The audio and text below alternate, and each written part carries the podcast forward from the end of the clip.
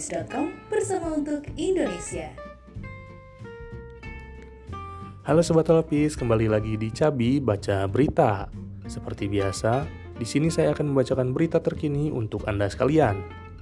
Berita pertama datang dari dunia olahraga, di mana Barcelona kabarnya mulai mengincar striker tajam milik Bayern Munchen, yaitu Robert Lewandowski di jendela transfer musim panas mendatang. Hal tersebut santer tersiar di muka publik, menyusul kemungkinan gagalnya Barcelona mendatangkan Erling Haaland dari Borussia Dortmund. Seperti yang telah diketahui bersama, Erling Haaland merupakan target utama Barcelona. Namun, pemain asal Norwegia tersebut nampaknya telah membuka pembicaraan dengan Manchester City di Liga Inggris. Dilansir dari Marka, hal itu Blaugrana mulai menargetkan Robert Lewandowski karena kontraknya di Bayern Munchen berakhir pada musim panas 2023 mendatang. Lewandowski sendiri dengan Bayern Munchen sampai saat ini belum mencapai kesepakatan terkait perpanjangan kontrak hingga memungkinkan untuk tersedia di jendela transfer mendatang. Kendati demikian, pertanyaan pun mulai muncul di muka publik, di mana Barcelona saat ini memiliki striker tajam di lini depannya yaitu Aubameyang. Apabila Barcelona berhasil mendatangkan Robert Lewandowski, maka secara langsung akan menggantikan posisi Aubameyang mengingat keduanya berada di posisi yang sama yakni center striker. Berita selanjutnya masih di dunia olahraga, di mana ada Manchester City yang dikabarkan telah menyetujui persyaratan transfer dan selangkah lebih dekat untuk mendatangkan Erling Haaland dari Borussia Dortmund. Seperti yang dilansir dari Marka, Manchester City dapat melayangkan kontrak kepada Erling Haaland akhir musim ini dengan klausul pembelian sekitar 75 juta euro, di mana harga klausul pembelian tersebut mulai berlaku di musim panas nanti. Tak hanya itu, agen Erling Haaland yaitu Mino Raiola juga dilaporkan bakal menerima komisi dan total biaya kemungkinan mencapai 120 juta euro. Kebenaran kabar tersebut juga dimuat di media-media ternama di Jerman, yang mengatakan bahwa persyaratan telah dibahas oleh kedua pihak dan Manchester City berharap Haaland memilih berlabuh di Etihad Stadium ketimbang bermain di La Liga. Sebagai informasi tambahan, mega transfer Erling Haaland ini turut menjadi perhatian publik. Pasalnya tidak hanya Manchester City yang menaruh minat, adapun klub lain seperti Barcelona, Real Madrid, dan lain sebagainya. Namun setelah kabar ini mencuat, klub seperti Barcelona hingga Real Madrid mulai menyoroti pemain lain, seperti halnya Blaugrana yang mulai membidik Robert Lewandowski dari Bayern Munchen. Kendati demikian, kabar mengenai Erling Haaland ke Manchester City ini masih dapat dipatahkan. Hal tersebut dinilai wajar sebab selalu ada kejutan di musim transfer setiap tahunnya.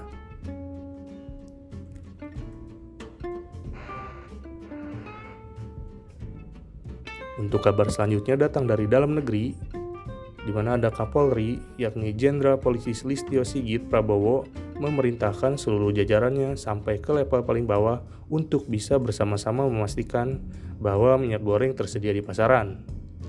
Jenderal Polisi Bintang 4 itu menghimbau kepada seluruh produsen minyak goreng agar melakukan produksi untuk memastikan pemenuhan stok pasaran. Kemudian, Kondisi saat ini mengapa minyak goreng sulit ditemukan di pasaran? Karena ada pihak-pihak tertentu yang ingin meraup keuntungan pribadi dengan cara menahan distribusi minyak untuk disalurkan ke pasaran.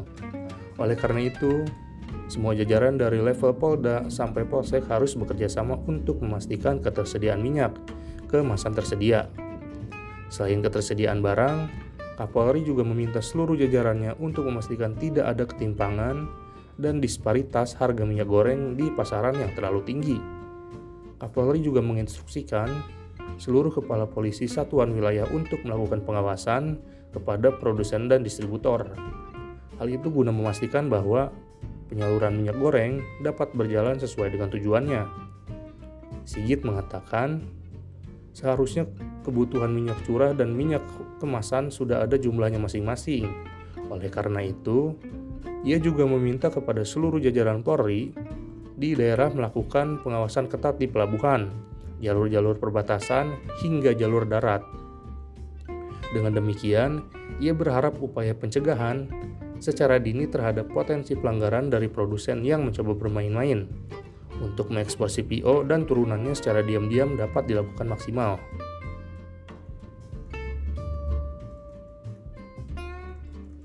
Untuk berita selanjutnya masih di dalam negeri, seorang pendaki ditemukan tewas saat mendaki Gunung Gede. Diduga karena kedinginan akibat cuaca ekstrim di puncak gunung. Kabar yang diketahui asal Depok ini ditemukan sukarelawan setelah mendapat laporan pendaki hilang. Menurut Kepala Bidang 1 PTN Wilayah 1 Cianjur, Balai Besar Taman Nasional Gunung Gede Pangrango, Diah Kurani Kristina mengatakan pendaki bernama Doni berusia 40 tahun dilaporkan hilang oleh rombongan yang berangkat bersamanya. Korban ditemukan di dekat puncak Gunung Gede, dalam kondisi tergeletak, tidak bernyawa dan langsung dibawa turun. Setelah itu, langsung dilakukan pemeriksaan dan diserahkan langsung kepada keluarganya. Dia menjelaskan, korban bersama rombongannya sudah menjalani pemeriksaan sesuai prosedur yang berlaku, termasuk pemeriksaan kesehatan, sehingga mereka diberikan izin untuk mendaki Gunung Gede. Namun ia menambahkan, belum dapat dipastikan penyebab tewasnya korban. Sedangkan sukarelawan TNGGP yakni Jaini Kawat menjelaskan Proses pencarian dilakukan setelah mendapat laporan dari rombongan asal Depok yang melakukan pendakian tanpa menginap. Sukarelawan TNGPP, Jaini Kawat mengatakan pihaknya langsung melakukan pencarian setelah mendapat laporan dari rombongan asal Depok yang melakukan pendakian tanpa menginap. Tim gabungan menemukan jasad korban dalam posisi terlentang beberapa ratus meter sebelum puncak gunung. Demikian berita yang saya sampaikan. Untuk selengkapnya tersaji di holopis.com. Saya Ahmad Junalivia melaporkan untuk holopis.com bersama untuk Indonesia. Holopis.com bersama untuk Indonesia. Halo Sobat Holopis, jumpa lagi bersama saya Brenda Iskarina di Cabi Baca Berita. Kita mulai berita hari ini dari Rusia Ukraina. Sekretaris Jenderal Perserikatan Bangsa-Bangsa Antonio Guterres memperingatkan bahwa eskalasi perang di Ukraina yang terjadi karena kecelakaan atau rancangan akan mengancam seluruh umat manusia. Ia merasa khawatir bahwa konflik itu mungkin berakhir dengan kiamat nuklir. Komentar Guterres mengenai perang nuklir dibuat sehubungan dengan Presiden Rusia Vladimir Putin yang meningkatkan pasukan pencegah Rusia yang mencakup berbagai senjata strategis, baik nuklir maupun konvensional menjadi siaga khusus pada bulan lalu. PBB menyebutkan bahwa hal ini mengerikan. Sementara itu pada sisi barat, beberapa pakar dan politisi di Eropa dan Amerika Serikat mendesak NATO untuk mendeklarasikan zona larangan terbang di atas Ukraina sebuah langkah yang akan membuat aliansi berkomitmen untuk menembak jatuh pesawat Rusia di langit Ukraina. Kita lanjut ke kabar nasional mengenai MotoGP. Polda Metro Jaya menyiapkan 500 personel untuk mengamankan parade MotoGP yang akan berlangsung di rute Istana Merdeka, Jalan Medan Merdeka Barat, Jalan MH Tamrin hingga Bundaran HI. Pihak kepolisian akan melibatkan unsur pemerintah Provinsi DKI Jakarta untuk mengawal ketertiban penonton parade agar tidak membludak ke jalan. Dalam kegiatan tersebut, Direktorat Lalu Lintas Polda Metro Jaya Kombes Pol Sambodo Purnomo Yogo menjelaskan akan menutup rute Istana Merdeka, Jalan Merdeka Barat, Jalan MH Tamrin hingga Bundaran HI pada hari Rabu pukul 10 hingga 11 pagi waktu Indonesia Barat. Penutupan hanya dilakukan pada rute dari Istana Merdeka menuju Bundaran HI, sedangkan rute Bundaran HI menuju Istana Merdeka tetap dibuka seperti biasa. Kita langsung ke kabar berikutnya. Ombudsman RI memperkirakan harga minyak goreng terus mengalami kenaikan di masa yang akan datang. Hal itu disebabkan harga sawit dalam bentuk TBS yang semakin membaik dan juga mahal.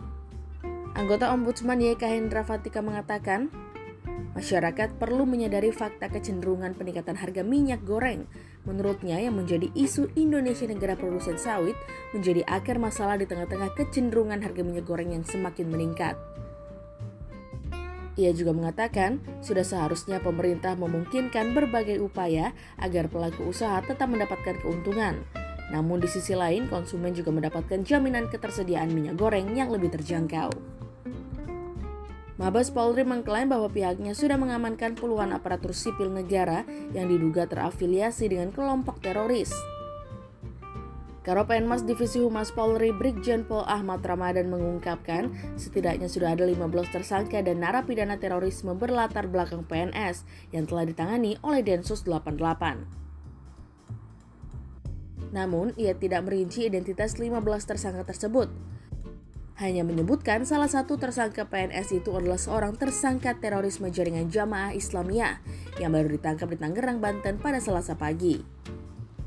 Densus 88 diketahui kembali melakukan penangkapan terhadap terduga teroris berinisial TU. TU diamankan di kawasan perumahan Samango Village, Kelurahan Jatimulya, Kecamatan Sepaten, Tangerang. Polisi juga masih belum membeberkan peran dan keterlibatan TU dalam jaringan jemaah Islamiyah atau JI. Itu dulu Sobat Holopis rangkuman berita dari saya pada hari ini.